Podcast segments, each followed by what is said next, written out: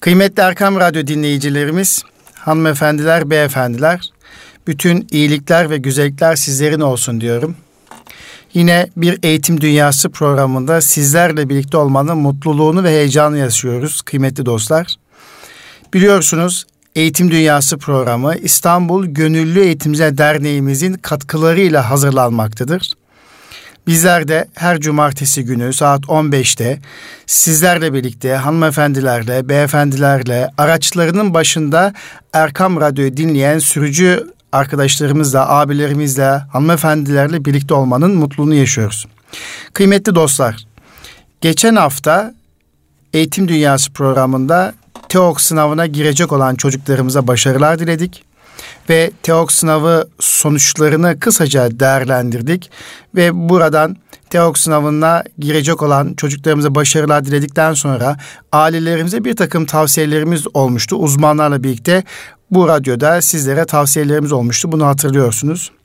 Şimdi de TEOK sınavı sonrası 8. sınıfta okumakta olan bir öğrencimizin TEOK sınavına nasıl çalıştığıyla ilgili bir takım paylaşımlarımız olacak. Elbette bu Nisan ayında yapılan 26-27 Nisan tarihinde yapılan TEOK sınavında 6 derste yapma oranı, doğru yapma oranı Türkiye genelinin oldukça yüksek olduğunu biliyoruz. Oranların da doğru yapma oranlarının yüksek olduğunu biliyoruz. Basına yansıyan bu. Nitekim Kasım ayındaki TEOX e, merkezi yazılılarının zor olduğu, Nisan ayında 26-27 Nisan tarihinde yapılan TEOK merkezi yazılılarında hayli kolay olduğuyla ilgili genel bir kanaat olmakla birlikte biz geçen hafta radyomuzda bir eğitimci olarak bunu sadece kolay olmaya bağlamaktan ziyade çocuklarımızın iyi bir performans gösterdiği ve eğitimcilerimizin de çocuklarımızın öğrenmesi noktasında iyi bir gayret gösterdiği şekliyle yorumlamak istediğimizi ifade etmiştik. Kıymetli dostlar, elbette tam yapan 6 dersten 20 soruyu toplam 120 soruyu cevaplandıran ve kamuoyuna yansıyan reklamları yapılan bütün öğrencilerimizi başta tebrik ediyoruz. Oldukça kıymetli sonuçlar çıkardılar. Hangi okul olursa olsun, hangi öğrenci olursa olsun o 120 soruyu cevaplandırmak 120 soruyu cevaplandırmanın mutluluğunu yaşayan her bir öğrencimizin gözlerinden öpüyoruz. Eğitim Dünyası programının yöneticisi olarak kıymetli dostlar. Ayrıca e, eğitimcilerimizi tebrik ediyoruz. Besbelli ki alın ve akıl teri dökmüşler, gayret göstermişler ve sonuçta da yapma oranı yüksek olan çocuklarımız mevcut. Bugün Eğitim Dünyası programında bir konuğumuz var. Konuğumuz henüz 13 yaşında. Geçen hafta 26-27 Nisan tarihinde sınava giren TEOK merkez yazılılara katılan bir TEOK öğrencisi. Ee, özelliği sadece TEOK sınavında 6 dersten 20 soruyu yani toplam 120 soruyu cevaplandırmış olmak değil. Ayrıca boş zamanlarında kendisinin bir sporcu olmasıdır. Satranç sporu üzerine küçük yaştan itibaren çalışıyor olmasıdır. Bununla birlikte müzik yeteneğinin olmasıdır. Yani biz bugün Eğitim Dünyası programına bu sevgili kardeşimizi çıkarırken gençlere şu mesajı vermeye çalışıyoruz. Yetenekleriniz başarıya engel değil. Anlamlı yetenekleriniz, hobileriniz asla başarıya engel değil. İyi bir spor başarıya engel değil. İyi bir müzik başarıya engel değil. Bu mesajı vermeye çalışıyoruz. Dolayısıyla küçük yaştan itibaren iyi bir satranç sporcusu olduğunu bildiğimiz, hatta Türkiye şampiyonu yaşadığını bildiğimiz bir öğrenci kardeşimizle, bir öğrenme arkadaşımızla birlikteyiz. Ben birazdan sizlere kendisini takdim ediyor olacağım ve daha sonra da kendisiyle bu yetenekleri üzerine, teok stratejisi üzerine, teok sınavı üzerine sohbetlerimiz olacak. Bu sohbetlerimizden kimler faydalanacak inşallah? Belki seneye 8. sınıfa geçecek olan kıymetli öğrencilerimiz, şu anda 7. sınıfta okumakta olan, seneye 8. sınıfa geçecek olan öğrencilerimiz faydalanabilir. Ee, bizden önceki 8. sınıfta teoka giren arkadaşlarımız, abilerimiz, ablalarımız nasıl çalışmışlar, çalışmışlar, neler yapmışlar bunu öğrenebilirler annelerimizin, babalarımızın, bizi dinleyen radyo başındaki annelerimizin, babalarımızın çocuklar için bir takım çıkarımlar olabilir. Bu amaçla kıymetli dostumuzu, kıymetli arkadaşımızı, öğrenme arkadaşımızı, öğrencimizi radyomuza davet ettik. Öncelikle ailesine teşekkür ediyorum e, misafirimizi radyoya çıkmasına izin verdiği için ailesi Cem Tarlabaşı Beyefendi'ye ve annesi Funda Tarlabaşı Hanımefendi'ye teşekkür ediyorum. Efendim önce ailesini tanıttık lakin hala konuğumuzun ismini söylemedik. Evet şimdi sizler de merak ediyorsunuz bu konuğumuz kimdir derseniz Tekden Koleji 8. sınıf öğrencisi Emirhan Tarlabaşı ile birlikteyiz kıymetli dostlar. Efendim hoş geldiniz. Hoş bulduk. Nasılsınız? İyiyim siz? Radyo heyecanınız var mı? Yok. İlk defa mı çıkıyorsunuz? Evet ilk defa çıktım radyoya. Televizyon kanallarına çıktınız mı daha önce? Çıkmıştım. Evet televizyon kanallarına çıktınız ama radyo e, yayınınız ilk defa. Elbette radyoda da tabii bizi dinleyicilerimizin olduğunu biliyoruz. Evet. Ama bizi izlemiyorlar sadece dinliyorlar. Aradaki fark bu. Televizyonda hem dinliyorlar hem izliyorlar. Bu anlamda biraz daha dikkatli olmak gerekiyor. Evet Emirhan e, birazcık kendinden bahseder misin? Emirhan Tarlabaşı evet. kimdir? Benim adım Emirhan Tarlabaşı. 2003 doğumluyum. Tekden Koleji 8. sınıfta okuyorum. Küçük yaştan beri satranç oynuyorum. Yani 5,5 yaşımdan beri. Çeşitli derecelerim var ve bu sene de sizin bildiğiniz gibi TEOK sınavına girdim. Allah şükür iyi geçti. Evet, iyi geçti. Evet, e, kıymetli dostlar, e, Erkam Radyo dinleyicilerimiz, e, hanımefendiler, beyefendiler, Emirhan Tarlabaşı küçük yaşına itibaren satranç oyunu, oynuyor. Aynı zamanda akıl oyunları şampiyonu kendisi. Biz zannediyorum 2013 yılında seninle bir Avustralya yolculuğumuz oldu değil Avusturya. mi? Avusturya. özür diliyorum. Avusturya yolculuğumuz oldu dört e, arkadaşınla birlikte. Evet. Orada akıl oyunlarında dünya üçüncüsü hı hı. olarak döndük. Değil mi? Evet öyle. Çok keyifli. O zaman kaçıncı sınıftın? Dördüncü sınıfı bitirmiştim galiba. Dördüncü sınıfı bitirmiştin. Ağustos ayında e, çok sevgili anneciğin sizi bana teslim ederken bu küçücük çocuk nasıl gidecek hocam Avusturya'ya demişti iyi hatırlıyorum onu ama e, gerçekten dört e, güzel arkadaşla birlikte Avusturya'da 3-4 gün kaldık. Çok keyifli dakikalar ve bir o kadar da heyecanlı dakikalar yaşadık. E, güzel günlerimiz olmuştu. Evet şimdi de zaman çabucak geçiyor. Evet, 8. sınıf oldum. 8. sınıf oldunuz. Peki Emirhan'cığım istersen önce TEOK'tan konuşalım. Temel eğitimden orta öğretime geçiş sınavı ile ilgili e, biraz önce de duyurusunu yaptığımız gibi 7. sınıf öğrencilere tavsiye nitelikte olabilecek Hı. bir durum var burada söz konusu. TEOK sınavına Emirhan Tarlabaşı nasıl çalıştı efendim? Öncelikle ben 7. sınıfın sonuna doğru çalışmaya başladım. Çok sevdiğim satranç sporuna birazcık ara vermek zorunda kaldım bunun için. Önemli olan düzenli çalışmak. Yani her gün her dersi düzenli olarak çalışınca başarı kaçınılmaz oluyor. Ben genellikle önce konu tekrar yapıp sonra test çözdüm. Yani evet. eksik olan konularıma daha çok ağırlık verdim. Evet. Eksik olan konuları nasıl belirlediniz? Kendiniz mi belirlediniz yoksa okulların okulun imkanlarıyla mı belirlediniz? Yani, nasıl oldu? Tabii ki okuldaki hocalarımın çok yardımı oldu. Ya zaten çözüm testlerde yanlışlarıma bakınca da belli evet, oluyor. Yanlışlarına bakınca da belli oluyor. Yani yaptığın uygulamalarda e, veya test çözümlemesinde yanlışlarınızın üzerine gittiniz. Yanlış evet. yaptıklarınız üzerine giderek e, ona göre odaklandınız, çözdünüz. Evet. Peki e, 7. sınıfın sonundan itibaren başladım diyorsunuz. E, bu çalışma 7. sınıfın sonundan itibaren başladığınız bu çalışma 8. sınıfta size hedefinize ulaştırdı onu görüyoruz. Evet ulaştırdı. E, TEOK sınavı zor mu? Yani çok heyecan verici mi? Kaygısı yüksek bir e, ya, sınav mı? Çok zor bir sınav değil ama önemli olan o stresi kontrol edebilmek. Evet stresi yani kontrol stresi kontrol edenler başarıyor. Evet bu sınavlarda buna benzer sınavlarda güzel bir şey söylediniz. Stresi kontrol edenler başarabiliyor. Peki sizin stresi kontrol edebilme noktasında özel bir çalışmanız oldu mu? Nasıl kontrol ettiniz? Mesela bu çok önemli bir soru. Yani Doğru. güzel bir şey söylediniz. Bu stresi siz nasıl kontrol ediyorsunuz? Neler yapar kontrol ediyorsunuz? Ben stresi çok küçük yaştan beri yaşıyorum. O yüzden alışkınım. Ama o kadar çalıştık. Yani başarabiliriz. Niye başaramayalım? Stresi küçük yaştan itibaren yaşıyorum. E, dolayısıyla alıştım ve stresi kontrol etmeyi öğrendim diyorsunuz. Evet. Yani o zaman burada satrancın bir katkısı oldu. Küçük yaşta evet. itibaren turnuvalara katıldığınız için yarışmalara her zaman kazanma ve kaybetme riski var. Kaybettiğiniz de oldu, üzüldüğünüz de oldu. Ama her kaybettiğinizde bir ders çıkartıp nasıl kazanmayı e, ve başarıyı elde etmişseniz e, Türkiye şampiyonluğunu defaatlerce yakalamış iseniz TEOK sınavında buna benzer bir şey diyorsunuz değil mi? Evet. Stresi kontrol eden. Peki bunun için nefes egzersizi falan böyle bir teknik öğrettiler mi sana? Öyle bir şey var mı? Yani böyle gözlerini kapat. Bilmiyorum yani nefesi ses, e, stresi kontrol etmekle ilgili olarak bu satrancın dışında böyle kendinize özel beceri öğrettiler mi yoksa sen böyle bir teknik biliyor musun? Yok bilmiyorum. Yani böyle bir teknik bilmiyorsun. Evet. evet. O zaman e, satrançta öğrendiğin o kazanma kaybetme ilişkisi çerçevesindeki stresi kontrol ede ede TEOK sınavında stresimi kontrol ettin ettim diyorsun. Sen de bu kadar bir sonuç alabileceğini tahmin ediyor muydun kendin için? Mesela 5. sınıfta 6 sınıftaki performansına bakarak. Ya tabii 5'teki 6'daki performansına bakarsak tabii ki hayır. Evet. Ama yani çok çalıştım ve biliyordum başaracağımı. Hmm. Nitekim başardım. Ailende inanıyor muydun senin başaracağın iyi bir sonuç elde edeceğine? Annem inanıyordu. Babam biraz endişeliydi geçen senelere bak yani geçen senelerden dolayı. Evet. bakarak ama annem annem evet. inanıyordu diyorsun evet.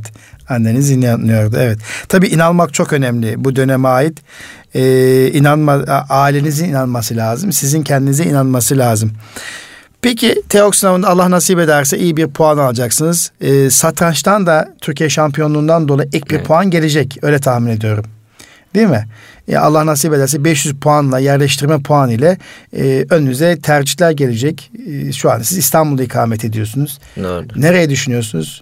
Bir özel okul bursu mu düşünüyorsunuz yoksa bir de, resmi okulda hayal ettiğiniz bir okul var mı şu anda ne düşünüyorsunuz? Ya ben 8. sınıfa başlamadan önce Kavataş Erkek Lisesi'ni istiyordum. Hem eğitim olarak hem mekan olarak. Hı hı. İyi bir lise. Orayı istiyorum. Bir de Hüseyin Avni Sözen'i beğeniyorum. Orası da çok güzel bir okul. Hmm. O ikisi arasında tercih yapacağım. Yani ister aslında siz 500 elde edeceğiniz 500 puanla yerleştirme puanla istediğiniz okul türüne gidebilirsiniz. E, lakin siz e, nitelikli insanların, kaliteli öğretmenlerin bulunduğu e, okulları tercih ediyorsunuz. İşte Hüseyin Avni Sözen gibi, Anadolu Lisesi gibi veya Kapadaş gibi. Evet, tabi İstanbul'da, e, Türkiye'nin her tarafında, e, her ilde, ilçemizde çok kıymetli okullarımız var tabii. şüphesiz. Biz tabi şu an İstanbul'da olduğumuz için İstanbul'u konuşuyoruz. Allah yardımcınız olsun, Rabbim gönlünüze göre versin. E, peki 7. sınıf öğrencilerimiz var bir buçuk ay sonra karnı alacaklar. 9 Hı. Haziran tarihinde tatile girecekler ve sonra bir de 8. sınıfa başlayacaklar. İşte 18 Eylül 2017 tarihinde okullar açılacak. 7. sınıf öğrencilerimize ne tavsiye edersiniz? Bundan sonra TEOK sınavı için e, nasıl bir çalışma yapsınlar? Öncelikle 8. sınıf başlamadan önce TEOK konularına bir hazırlıklı gelmeleri gerekiyor okula. O çok önemli. Sonra konuları tek çalıştıktan sonra onun üstüne test çözmeleri lazım başlamadan ki hazır olsunlar. Hı. Okula hazır geldiğinizde daha çabuk yani eksiklerinizi daha çabuk gideriyorsunuz. Hı hı. O yüzden yaz tatilini iyi değerlendirsinler. Tabii hı hı. gezsinler falan ama ders çalışmayı da unutmasınlar yaz tatilinde. Yaz tatilinde ders çalışmayı evet. unutmasınlar. Ee, dolayısıyla 7. sınıf öğrencilerimize böyle kısa öz bir tavsiyen oldu. Ee, Hayal kuruyor muydun? Böyle gideceğin okul ve geleceğinle ilgili hayalin var mı? Yani mesela iyi bir liseyi kazanacaksın öyle görünüyor. Allah nasip ederse. E, ne olmak istiyorsun? Ben tıp okumak istiyorum. Bir de yani Boğaziçi işletmeyi düşünüyorum. Hmm, bu ikisi yani. arasında gelgitler yaşıyorsun. Evet. Bu en son tıp mı, Boğaziçi işletme mi e, bu karar vermende daha sonra ne etken olacak? Ya yaşadıklarım daha çok. Yaşadıklarınız evet. daha çok etken olacak. Peki gelelim biraz da satranç üzerine konuşmaya. Tabii biz sizi radyomuza davet ederken e, şu anonsu yaptık. Yetenekler e, başarıya engel değil. E, siz küçük yaştan itibaren iyi bir satranç oyuncusunuz. E, Türkiye ve dünya e, Türkiye şampiyonluğunuz var defaatlerce. Zannediyorum Avrupa ve dünya şampiyonluğu da var Doğru. küçük yaştan itibaren öyle hatırlıyorum.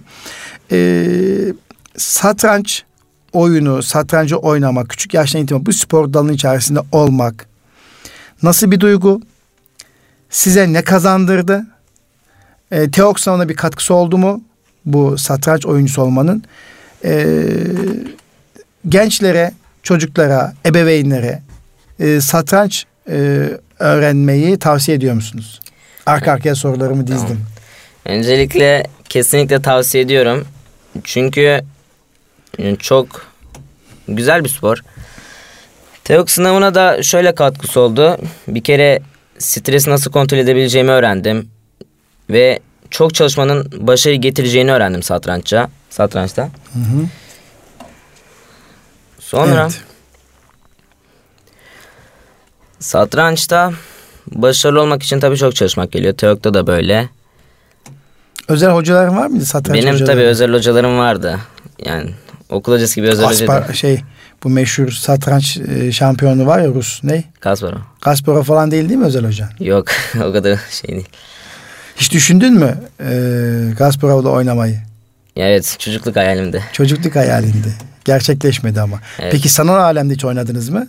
Yok E, denk, gelmedi. Denk gelmedi. Evet. Peki buyurun. Satrançla ilgili e, küçük yaştan itibaren bu oyun içerisinde olmak e, size sabrı öğretti. Başka? Evet. E, Başka bana bir sürü arkadaş kazandırdı. Evet, sosyal çevreniz genişledi. Evet. Çok arkadaş kazandırdı.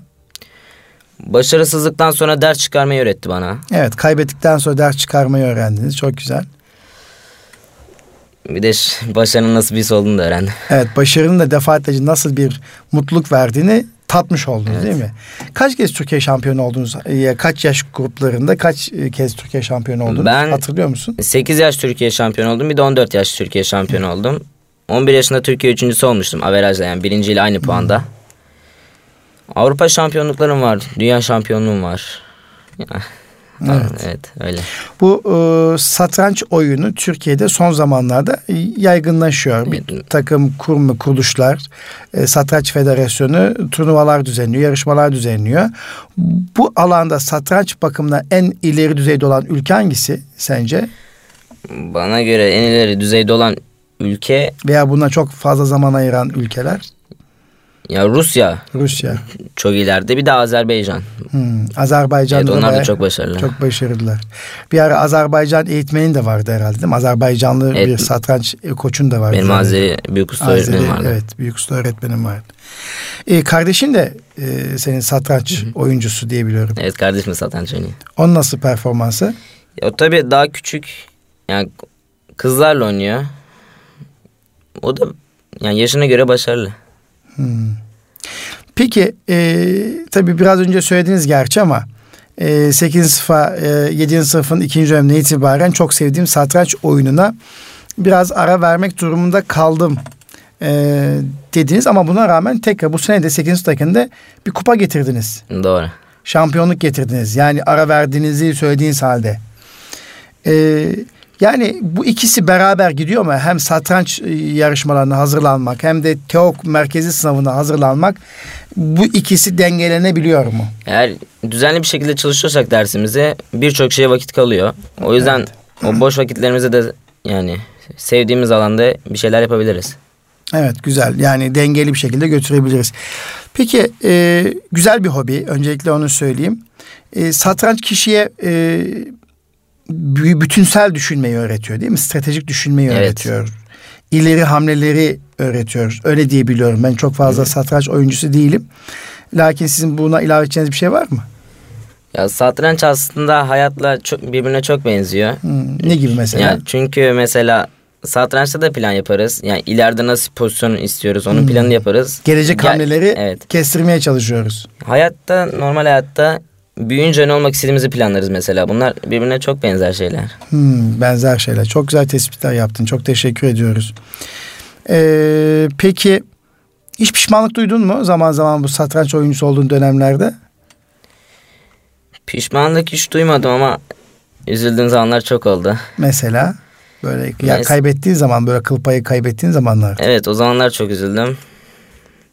Hakiki koçun kimdi? Satranç oyu, es- e, müsabakalarında, yarışmalarında tabi Azeri öğretmenin veya başka usta öğretmenlerin vardır elbette Hı. yanında.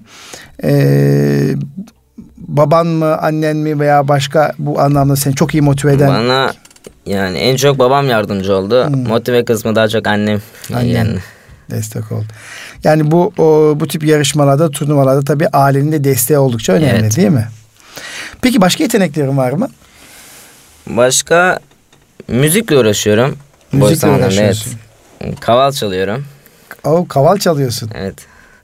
Dedemden öğrendim Keşke bugün kaval getirseydin de şöyle bir üfleseydin ya. Doğru. Dedemden öğrendim. O da İTÜ Konservatuvarı'nda öğretmenmiş Hmm. eskiden. yani. Ondan öğrendim. O da bayağı güzel çalar. Hmm. Yani 6. sınıftan beri çalıyorum. Çalıyorsun. Ama şimdiye kadar hiç bizimle paylaşmadın okuldayken. Yakın Tekten. Koleji'nin etkinliklerini hiç paylaşmadın. Bunu kısa süre içerisinde bir paylaşımını bekliyoruz o zaman. Tabii ki. Veya biz seni tanıyamamışız. evet. Peki bu satrancın dışında e, işte müzik yeteneğin var. Kaval çalıyorsun. Bu kutu oyunlarından e, veya zeka oyunlarından bildiğin, ilgi duyduğun alan var mı? Ya ben akıl oyunlarında koridor Koridor evet onu da şampiyonluydun, oynamıştım. Evet. O da bayağı yani plan gerektiren bir oyun. Bir de ben Checkers diye oyun var onu da çok seviyorum böyle çaprazlama. Hı hı. Onu da çoğu satranç oynar zaten. Yani Evet. Oyunları seviyorum. Oyunları seviyorsun.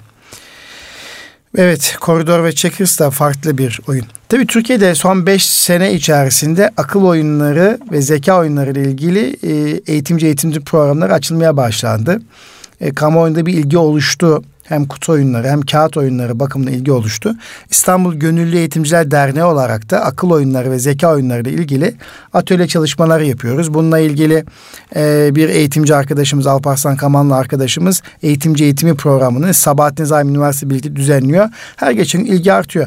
E, sen de küçük yaştan itibaren bu koridor ve checkers eğitmenliği yaptın herhalde. Bilmeyenler öğretmek için. Bu anlamda söylüyorum değil mi? Anneler babalar öğretmeye çalışmıştı. Evet denemiştim. Denemiştiniz evet. Ee, önemli bir şey. Tabii TÜZDEV olarak da Türkiye Üstün Zekalı ve Daha Çocuklar Vakfı olarak da biz e, akıl oyunları, kutu oyunları, zeka oyunlarını önemsiyoruz. Ee, bunun şöyle bir faydası var. Sen de katılıyor musun? Çocuklar evde aileleriyle kutu oyunları veya akıl oyunları işte kutu e, oyunları işte kağıt oyunları oynamayı öğrenip e, aile katılımlı etkinlikler yapmaya başladıklarında dijital bağımlılık azaldığını söyleyebilir miyiz? Kesinlikle. Mesela senin elinde böyle başkaları gibi sürekli WhatsApp, telefon, akıllı telefon oluyor mu böyle? Yok ben telefona çok bakmıyorum yani. Genellikle aramak için kullanıyorum. Hmm. Ailemle irtibatta kalmak için. Ama bence çok güzel bir şey böyle insan ailesiyle vakit geçirmesi. Çünkü günümüzde çoğu insan televizyon ya da tabletle yani aile arası iletişim yok. Hmm, dijital bağımlılık oluşuyor Evet. değil mi? Evde bile birbirleriyle WhatsApp üzerinden yazıştıklarını şahit oluyoruz, görüyoruz. Ama senin küçükten itibaren böyle bir hobin olması dijital bağımlılıktan kurtarmış oldu. Evet. Böyle bir faydası var. O zaman buradan e, bizi dinleyen Erkam Radyo dinleyicilerimize, hanımefendilere, beyefendilere, kıymetli çocuklarımıza, eğitimcilerimize e, anlamlı bir hobiler olsun diye tavsiye edelim. Herhangi bir spor, müzik veya akıl oyunları, hobileri olursa dijital bağımlılıktan kurtuluruz diye ümit ediyoruz. Ee, Ki sizde bir örnek işte Emirhan Tarlabaşı küçük yaştan itibaren satranç oyuncusu olduğu için bunun dışında koridor ve checkers oyunlarında dü- dünya şampiyonluğu var, üçüncülüğü var. Böyle olunca dijital bağımlılığın olmadığını söylüyor kendisi. Ben anlamlı vakit geçiriyorum alemle diyor. Zaten e, babası Cem Tarlabaşı ve annesi Funda Tarlabaşı hanımefendi de e, satranca karşı, akıl oyunlarına karşı ilgisi olan birisi. Kendilerine teşekkür ediyoruz. İyi bir destek veriyorlar. Çok sağ olun. Evet, e, Teok'u konuştuk.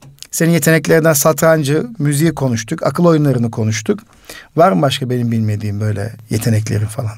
Spor, müzik, futbolda falan nasılsın? Ya futbolu çok seviyorum. Futbol oynamayı. Yani eskiden hep oynardım futbolu da. Şu son sene Evet, evet onu da çok oynayamadım. çok oynayamadım. Peki. Kıymetli dostlar, Erkam Radyo dinleyicilerimiz, hanımefendiler, beyefendiler. Bugün e, radyomuzun konuğu Emirhan Tarlabaşı, Tekten Koleji 8. sınıf öğrencisi, bir TEOK öğrencisi. Biz radyomuza Yetenekler Başarıya Engel Değil ada, e, program adı altında çıkardık kendisine. Kendisi küçük yaştan itibaren bir satranç e, oyuncusu ve Türkiye ve dünya şampiyonluğu olan bir kardeşimiz, öğrencimiz. E, ilaveten akıl oyunlarında e, dünya üçüncülüğü olan bir arkadaşımız. Öğrenme arkadaşımız, öğrencimiz. Yine kendisi müzikle uğraştığını ben de radyoda e, duymuş oldum. Kaval çalıyor. Bir, birkaç sene öncesinde de mezunlarımızdan bir kardeşimiz Doğukan Yalçın kardeşimiz aynı zamanda yüzme sporunda Türkiye şampiyonuydu. O da senin gibi 500 tam yerleşim yerleşme puanı almıştı. Yani birinci TOEIC'ta ve ikinci TOEIC'ta 700 puan almıştı. İyi bir performans sergilemişti. İyi bir yüzücüydü. E, dolayısıyla e, sporcu e, iyi bir spora sahip olan genç disiplini kazandığı için, çalışma disiplini, antrenman disiplini kazandığı için aslında akademik başarısı da iyi oluyor diye düşünüyoruz. Doğru. Ama bu korelasyon futbolda kuramıyorum ben. Yıllardır bakıyorum. Zaten futbol, futbol oyuncularının akademik performansları çok iyi olmadığını fark ediyorum. Nadiren tabii çıkar.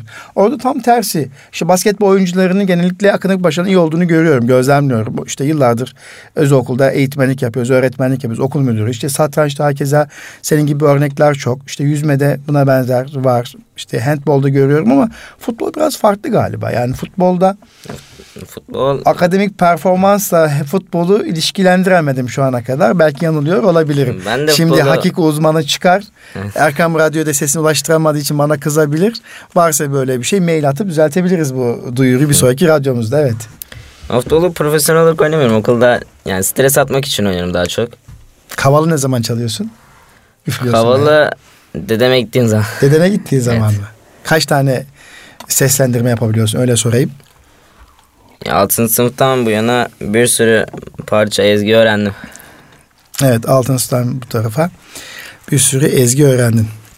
Evet kıymetli dostlar Eğitim Dünyası programında e, Emirhan Tarlabaşı e, TEOK öğrencisinin tavsiyelerini dinledik, duyduk.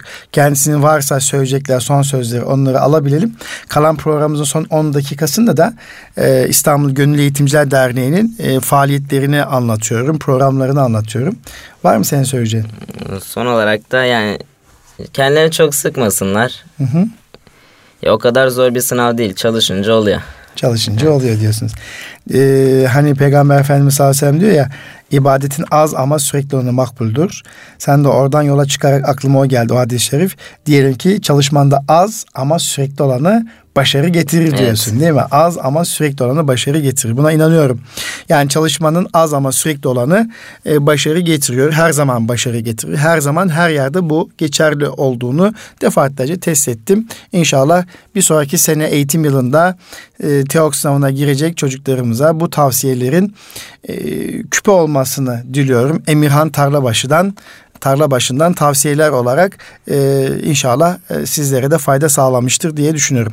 Kıymetli dostlar Eğitim Dünyası programında biliyorsunuz İstanbul Gönüllü Eğitimciler Derneği olarak yapacağımız ve yapmakta olduğumuz faaliyetleri size kısaca bahsediyoruz. Geçtiğimiz hafta radyomuzda Ramazan Aydın Bey'i konuk etmiştik. Tenzili Erdoğan İmam Lisemizin proje koordinatörü. Aynı zamanda Kızılcamam'da Gelecek için Söz Bizde projesinin koordinatörü kardeşimizle sohbet etmiştik ve Kızılcamam'daki uygulamaları konuşmuştuk. Oradaki e, kişilere vesile olanlara teşekkür etmiştik hatırlayacaksınız. O zaman biz İstanbul Gönüllü Eğitimciler Derneği olarak, İGEDER olarak Türkiye'nin e, değişik illerinde bulunan formatör eğitimcilerimizle birlikte Mudurnu Sarot Otel'de, termal e, otelde bir motivasyon toplantısı yapacağımızı, İGEDER'imizin faaliyetlerini değerlendireceğimiz ve 2023 e, stratejik planını çıkartacağımız bir toplantı yapacağımızı ifade etmiştik. Çok şükür o toplantımızı, o programımızı amacına uygun bir şekilde gerçekleştirdik. Buradan e, o toplantıya katılan bütün gönüldaşlarımıza, eğitimcilerimize, okul müdürlerimize, e, arkadaşlarımıza canı gönülden teşekkür ediyoruz. Aileleriyle gelen dostlarımıza teşekkür ediyoruz efendim.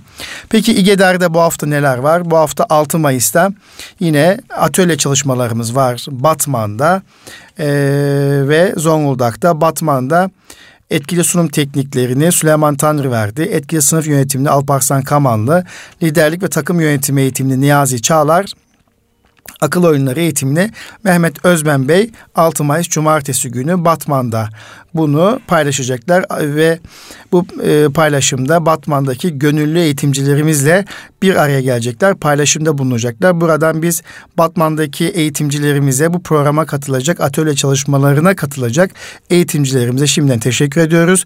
Bu e, programa gidecek olan formatör eğitimcilerimize başarılar diliyoruz efendim. İl Milli Eğitim Müdürümüze de teşekkür ediyoruz buradan. Yine 6 Mayıs ve 7 Mayıs tarihinde e, Zonguldak'ta atölye çalışmalarımız var. Cumartesi pazar iki gün. Etkinliklerle değerler eğitimi Adem Gülşen, etkili sınıf yönetimi Mustafa Bülbül, liderlik ve takım yönetimi Orhan Orhun Kıyıcı Beyefendi. Yine Zonguldak'ta e, eğitimci arkadaşlarımızla buluşmayı gerçekleştirecekler kıymetli dostlar. 13 Mayıs İgeder Öğretmen Akademisi Şanlıurfa'da yine Şanlıurfa'da Şanlıurfa Anadolu İmam Hatip Lisesi'nde etkinliklerle değerler eğitimi, liderlik ve takım yönetimi, etkili sunum teknikleri, etkili sınıf yönetimi ve akıl oyunları atölyeleri açılacak. Şanlıurfa'ya gidecek olan formatör arkadaşlarımıza buradan başarılar diliyoruz. 14 Mayıs'ta e, Konya'dayız. Konya'da buluşma gerçekleştireceğiz. Yine orada dört atölye açacağız ve Konya'dan e, yine eğit Konya'da e, eğitimcilerle buluşacağız. Buradan Şanlıurfa'ya ve Konya'ya sevgilerimizi ve saygılarımızı sunuyoruz. Başarılı bir program olmasını diliyoruz. Biliyorsunuz eğitim lideri yetiştirme projemiz var. Bu proje kapsamında formatör eğitimci sayımızı yüze çıkarmayı hedefliyoruz. İçişleri Bakanlığımızla yaptığımız proje kapsamında e, beş tane ilimizde eğitim lideri yetiştirme projesi yaptığımızı biliyorsunuz. Ve bu sene yine beşinci ilimiz olan Erzurum'da 13 Mayıs 2017 tarihinde Erzurum'da e, eğitim lideri yetiştirme projesi kapsamında formatör eğitimci arkadaşlarla, formatör adayı eğitimcilerle bir araya geleceğiz. Ve biliyorsunuz İGEDER sadece akademi faaliyetleri yapmıyor. İGEDER çalıştaylar, konferanslar, sempozyumlar yapmaktadır. Bunları biliyorsunuz. Yine 14 Mayıs tarihinde Maraş'tayız. Kahraman Maraş'tayız efendim. Kahraman Maraş'ta şöyle bir başlığımız var. Nitelikli nesil için nitelikli öğretmen. Bu çok önemli bir başlık. Nitelikli nesil için nitelikli öğretmen çalıştayını gerçekleştiriyor olacağız. Bu çalıştayda sosyal değerlerimiz, ilişkisel değerlerimiz, bireysel değerlerimiz neler olmalıdır öğretmenlik mesleğinde? Bunu masaya yatıracağız, tartışacağız ve Maraş, Kahramanmaraş ev sahipliği yapacak ve 14 Mayıs 2017 tarihinde e, Genç Ufuk Derneği, Milli Eğitim Bakanlığımız, Kahramanmaraş Belediye'miz ve üniversitemiz işbirliği içerisinde, Sütçü İmam Üniversitesi ile işbirliği içerisinde üç oturumluk bir çalıştay yapacağız ve bu çalıştayın sonuç bildirisinde inşallah bir sonraki hafta radyomuzda sizlerle paylaşacağız kıymetli dostlar. Bakın Mayıs ayımız ne kadar dolu. 20-21 Mayıs tarihinde de Eğitim Lideri Yetiştirme Projesi kapsamında bu beş tane ilden seçilmiş, temel eğitimi geçmiş formatör aday arkadaşlarımız İstanbul'da toparlayacağız ve İstanbul'da da onlara alan uzmanlığı çalışması yapacağız ve sonra formatör adaylığını tamamlamış bu arkadaşlarımız sahaya inecekler ve gözlem yapmaya başlayacaklar ve sonra da yavaş yavaş e, atölyelere e, girecekler inşallah. Yine erken çocukluk dönemi drama eğitimi e, yapacağız. E, 20 Mayıs 2017 tarihinde Özel Acıbadem Koleji'nde e, bu çalışmayı da Pınar Ramazanoğlu beyefendi, hanımefendi, Pınar Ramazoğlu hanımefendi ve Güllü Sonakan'ın hanımefendi ile birlikte Acıbadem Koleji'nde gerçekleştirilmiş olacak kıymetli dostlar. Efendim İGEDER İstanbul Gönüllü Eğitimciler Derneği her zaman ifade ettiğimiz gibi öğretmenlerimizin mesleki gelişimine, okul müdürlerimizin mesleki gelişimine katkı sunmayı amaçlamış bir sivil toplum kuruluşudur. Ve elhamdülillah her geçen gün, e, her cumartesi, pazar muhakkak bir ilde, ilçede öğretmenlerle buluşma faaliyetimiz var. E, ben e, buradan e, gönüldaşlarımıza, bizleri e, ağırlayan arkadaşlarımıza, e, bu faaliyetlere katılan eğitimcilerimize, formatör eğitimcilerimize tekrar teşekkür ediyorum. Kıymetli dostlar, bu salı günü İstanbul'da bir Anadolu İmam Hatip Lisesi'nde Şehit Ragıp Anadolu İmam Hatip Lisesi'nde 9. sınıf öğrencilerine bendeniz tarafından Nurettin Topçu'yu eğitimde iz bırakan şahsiyetler adı altında Nurettin Topçu'yu anlattım. İnanın çok keyif aldım. Yani Nurettin Topçu bir öğretmen olarak, bir eğitimci olarak Nurettin Topçu'yu 9. sınıf daha doğrusu hazırlık sınıfı, lise hazırlık sınıfı öğrenciyle buluşturmaktan keyif aldım. Burada öncelikle Şehit Ragıp Anadolu İmam Lisesi'nin kıymetli müdür Mücahit Kıbrıs Beyefendi'ye, sevgili müdür yardımcılarına ve e, hazırlık sınıfı öğrencilerimize bizi dikkatle dinleyen yüzün üzerindeki kıymetli öğrencilerimize teşekkür ediyorum. Biliyorsunuz bizler e, İstanbul Gönüllü Eğitimciler Derneği olarak eğitimde iz bırakan şahsiyetler adı altında Nurettin Topçu, Mahir İz, Mahmut Masar, Bayram Hoca, Celalettin Ökten, Yaman Dede gibi şahsiyetleri anlatıyoruz. İnşallah yine 16 Mayıs tarihinde Mahir İz, Yaman Dede ve Nurettin Topçu'yu birlikte karma e, anlatıp e, onların kişilik kişisel özelliklerini Mardin'deki meslektaşlarımıza aktaracağımız bir programım gerçekleşecek. Bu programı bendeniz yapacağım. Yine Mardin'de saat 14'te Mardin'deki eğitimcilerle buluşacağız. Biliyorsunuz Mardin bizim çok sık gidip geldiğimiz illerimizden bir tanesi oldu. Sağ olsun İl Milli Eğitim Müdürümüz Yakup Sarı Bey e, bu konuda e, gönlünü ve kapısını açtı. Bize zaten İstanbul Gönüllü Eğitimciler Derneği olarak belki dikkatinizi çekmiştir. Daha çok Doğu illerimizdeki öğretmenlerimize buluşmak ve oradaki öğretmenlerimize bir motivasyon kaynağı olmayı hedeflemekteyiz kıymetli dostlar.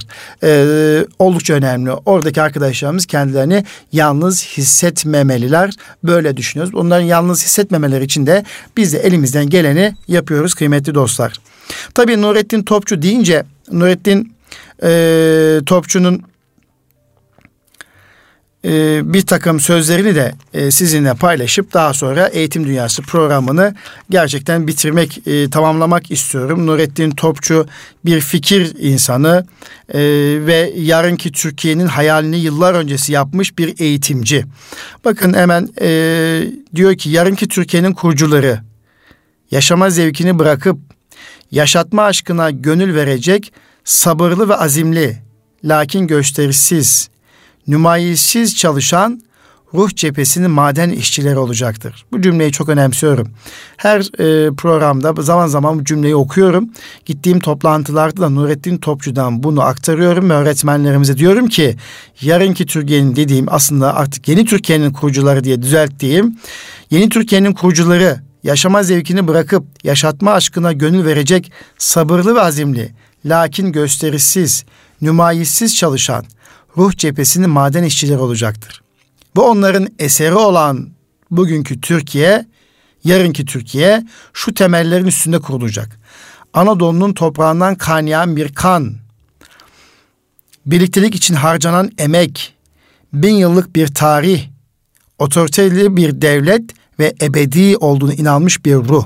İşte Nurettin Topçu bu yarınki Türkiye'nin temellerinin bunlar olacağını ifade ediyor. Ve Nurettin Topçu diyor ki milletimizi vücuda getiren kıymetlerin muhafaza ve tekamülüne hizmet etmek ve tarih şuuruna, ilim zihniyetine, feragat, fedakarlık, hak ve fazilet duygularına sahip örnek Türk milliyetçileri yetiştirmektir diyor. Dolayısıyla milliyetimizin milletimizi vücuda getiren kıymetlerin muhafazası oldukça önemli. Bir eğitimci, bir öğretmen milli ve manevi değerlerimizi, hassasiyetlerimizi ve buna ait kıymetlerimizi muhafaza edip gece taşımakla mükelleftir. Kıymetli dostlar bizler milli ve manevi değerlerimizi, dilimizi, örfümüzü, adetimizi, geleneklerimizi e, geleceğe taşımadığımızda bir eğitimci olarak daha sonra dinimizde kaybediyoruz. Dini yaşantımızda sadece kağıt üzerinde kalabildiğini biz Endülüs'ün tarihinden bunu görebiliyoruz. Yine Nurettin Topçu diyor ki mektepte millet ve insan sevgisi öğretilecek. Millet sevgisi. Tarihin bütün ruh ve aşk mirasına sahip olarak kendini bulmak ve olgunlaşmak yolu açılacaktı diyor. İşte biz bugün mekteplerimizde, okullarımızda millet ve imkan, im, insan sevgisini öğretme noktasında gayretimizi e, artırmamız gerekiyor. İstanbul Gönüllü Eğitimciler Derneği olarak da bunu yapmak için elimizden geleni kıymetli dostlar yapmaya çalışıyoruz. Evet, e, kıymetli dostlar yıllar öncesi e, kaleme alınmış 1940'larda kaleme alınmış Nurettin Topçu'nun bütün eserlerini okurken de halen bugüne işaret ettiğini e, görüyorum ve e, gerçekten ne kadar büyük mütefekkir olduğunu, düşünür olduğunu e, kitaplarını okudukça da anlıyorum. Mesela e, yine e, başka bir yerde diyor ki bir ülkede fikirlerin çarpışması, kanaatlerin ayrılığı bir rahmet vesilesi olabilir. Evet ama ruhların bu derecede ikiye bölünmesi millet hayatında açılan çok tehlikeli bir uçurumu haber veriyor diyor Nurettin Topçu. Dolayısıyla evet fikirler çarpışmalı ve bunlar bir takım kanaatlerin ayrılığı rahmet o vesilesi olabilir. Buradan belki peygamberimizin hadisine yola çıkarak bu duyguyu düşünceyi söylüyor ama bu ayrılık asla ruhların e, dereceye bölünmesi, ikiye bölünmesini sağlamamalı diyor. Eğer ruhlar ikiye bölündüğünde yani bizim her zaman radyomuzda söylediğimiz kalbi birlik ve ruhi ahenk kaybolduğunda burası ikiye bölündüğünde fikirler çatışması veya kanaatlerin ayrılığı artık bir rahmet vesilesi olmaktan uzaklaşır. Ben de olayı öyle yorumluyorum. Evet e, Nurettin Topçu böyle e, farklı bakış olan bir insan. E, diyor ki mesela bir tarla adeta ve biz o tarlayı ömür boyu sürüyoruz, ekip biçiyoruz. Bu manada insanoğlu bir çiftçidir. İnsanlığa acı, tatlı, belki hiçbir değer ifade etmeyen tohumlar bırakır. Sonunda köşeyi döner veya bir dağın hattı balasını aşıp kaybolur. İyi, kötü bırakılan her şey yaşar. Tarih sahnesinde konuşarak veya susarak yaşar. Zaman gelir, susanlar konuşur, konuşanlar susar. Şekiller ve zeminler değişir fakat tesirler ve aksi tesirler ileriye doğru gerilmiş halde veya hareket halinde varlıklarını devam ettirirler diyor. İşte biz Nurettin Topçu eğitimde iz bırakan şahsiyetlerden Nurettin Topçu'yu Üsküdar İlçe Milliyeti Müdürlüğümüz yaptığımız protokol çerçevesinde 10 tane okulun öğrenciler buluşturmayı hedefledik. Çok şükür işte bu çerçevede salı günde Şehit Ragıp Ali Bilgen Anadolu İmam Hatip Lisesi'nin kıymetli öğrencileriyle birlikte olduk. Sabırla beni dinlediler. Kendilerine buradan teşekkür ediyorum. E, Nurettin Topçu'nun isyan ahlakına değindik. Nurettin Topçu'nun Sorbonne Üniversitesi'ndeki milli ve manevi değerlere karşı e, nasıl bir e, hassasiyet gösterdiğini, Türk milliyetçiliği noktasındaki hassasiyetini e, ve onunla ilgili anekdotu kıymetli dostlarımızla, öğrencilerimizle, öğrenme arkadaşlarımıza paylaştık. E, işte e, ve Nurettin Topçu ile ilgili de hatıralarımızı o okula bıraktık. Kıymetli dostlar, eğitimde iz bırakan şahsiyetler hem öğretmenlere iyi aktarılmalı hem de çocuklarımızın anlayabileceği şekliyle anlatılmalı ki çocuklarımız onların içerisinden kendi kişiliğine uygun özellikleri seçsinler ve kişiliklerini aktarabilsinler. Çünkü model modelleme eğitimde bir esastır. Akran eğitimi esas olduğu gibi modelleme de esastır. Sevgili gençlerimize, çocuklarımıza, evlatlarımıza önüne iyi bir model koyabildiğimizde, o modellerle aynıleşmelerini sağlayabildiğimizde başarıyı daha çabuk yakaladıklarını görüyoruz. Bu minvalde tekrar Üsküdar İlçe Milli Eğitim Müdürümüz Sayın Sinan Aydın Beyefendi'ye teşekkür ediyoruz. Tabii sadece Nurettin Topçu değil, biraz önce ifade ettiğim gibi Mahiriz Yaman Dede ve benzeri eğitimde iz bakan şahsiyetleri eğitimcilerle buluşturuyoruz. Zaman zaman da bunları öğrenci seviyesinde buluşturduğumuzu ifade ediyoruz. Kıymetli dostlar, önümüzdeki hafta vakıf haftası biliyorsunuz. Vakıflar haftası. Aziz Mahmut Hüdayi Vakfımız İGEDER'imizin banisi e, ve yıllardır 1985 yılından itibaren e, nerede dertli, nerede muhtaç, nerede mahzun gönüller var ise o gönüllere ulaşmaya çalışan bir vakıf. Aziz Mahmut Hüdayi Vakfı hem yurt içinde hem de yurt dışında faaliyetleri olduğunu bildiğimiz bildiğimiz ve binlerce öğrenciye ve gönüle ulaştığını bildiğimiz vakıf. Dolayısıyla hem üç ayların içerisindeyiz, Şaban ayı içerisindeyiz inşallah. Yakında Ramazan ayına kavuşacağız. E, bu çerçevede e, Aziz Mahmut Hüdayi Vakfımızın bu faaliyetlerinin çalışmalarına destek vermenizi ümit ediyoruz. Tabi Vakıflar Haftası etkinlikler çerçevesinde de Tekten Koleji olarak da biz önümüzdeki günlerde bir dizi etkinlik yapacağız. 7. sınıf öğrencilerimiz 35-40 tane fakir aileyi Maltepe Sosyal Yardımlaşma ve Dayanışma Vakfı'ndan temin ettikleri adresleri ziyaret ederek e, erzak bırakacaklar, ziyaret edecekler ve daha sonra sevgili kaymakamımızı ziyaret edip e, bir e, programı tamamlamış olacaklar. Tabi okulda da bu sene biliyorsunuz Vakıflar Genel Müdürlüğü vakıf medeniyeti ve Kudüs temalı bir çalışma yapıyor. Bunu hem televizyonlardan duyuyorsunuzdur hem de etrafınızdaki billboardlarda görebiliyorsunuzdur muhtemelen. E, bu sene Vakıflar Genel Müdürlüğü Vakıf Medeniyeti ve Kudüs temalı bir etkinlik yapıyor. Bu seneki Vakıflar Haftası Sayın Cumhurbaşkanımız Recep Tayyip Erdoğan'ın himayesinde gerçekleşmektedir. Biz de e, bu Vakıflar Haftası kapsamında Haliç Kongre Merkezi'nde yapılacak olan bu faaliyeti davetliyiz efendim. E, inşallah orada bu Vakıflar Haftası'nın açılışını gerçekleştiriyor olacağız. Tabii e, vakıf medeniyeti çok önemli. E, vakıf medeniyeti tarihimizde e, birçok irili ufaklı vakıfların kurulduğunu, bundan bir kısmında günümüzde yaşadığını, yaşatılmakta olduğunu biliyoruz. E, bu millet, bu toplum, İslam toplumu e, her canlıyı düşünmüş. Her canlının her türlü ihtiyacını karşılayacak vakıfların kurduğunu biliyoruz tarihimizde.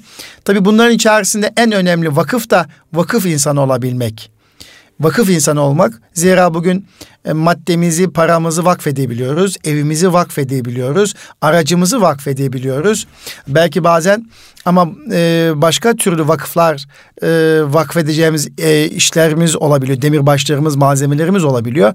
Ama bunların içerisinde en önemli şey ki artık en fazla ihtiyaç duyduğumuzda bir insanın kendini bir şeyi Allah rızası için kendisine vakfetmesidir veya zamanını vakfetmesidir. Bu oldukça önemli. İnşallah önümüzdeki hafta yapılacak olan vakıflar haftası etkinliği çerçevesinde ben de eğitimcilerimize buradan şu tavsiyede bulunuyorum. Ne olur ilçenizdeki, elinizdeki sivil toplum kuruluşları ve vakıfları çocuklarımızın tanımalarını sağlayalım.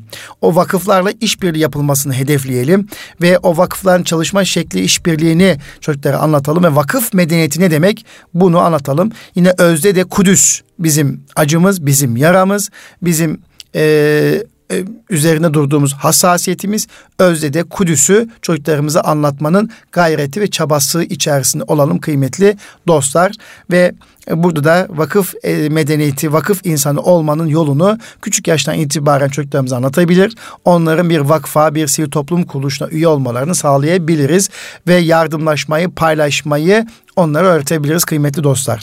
Efendim yine e, bir eğitim dünyası programının sonuna geliverdik. Bugün küçük e, ama bedeni küçük ama ruhu büyük, yetenekleri büyük bir e, öğrenme arkadaşımızla birlikte Eğitim Dünyası programını gerçekleştirdik. Kendisine buradan radyomuza katıldığı için teşekkür ediyoruz Emirhan Tarlabaşı Beyefendi'ye. Kendisinden çok tavsiyeleri aldık. Satranç e, oyunuyla ilgili e, bilgi aldık. Bir Türkiye şampiyonu ve dünya şampiyonu olarak e, tavsiyelerini aldık. Akıl oyunları üzerine tavsiyelerini aldık. TEOK sınavına girecek 7. sınıf öğrencilerimiz için tavsiyelerini aldık. Daha sonra İstanbul Gönüllü Eğitimci Derneğimizin faaliyetlerini anlattık ve bir programın sonuna geldik. Bu duygu ve düşünceler içerisinde bir sonraki Eğitim Dünyası programında buluşmak üzere efendim. Kalın sağlıcakla. Allah'a emanet olunuz.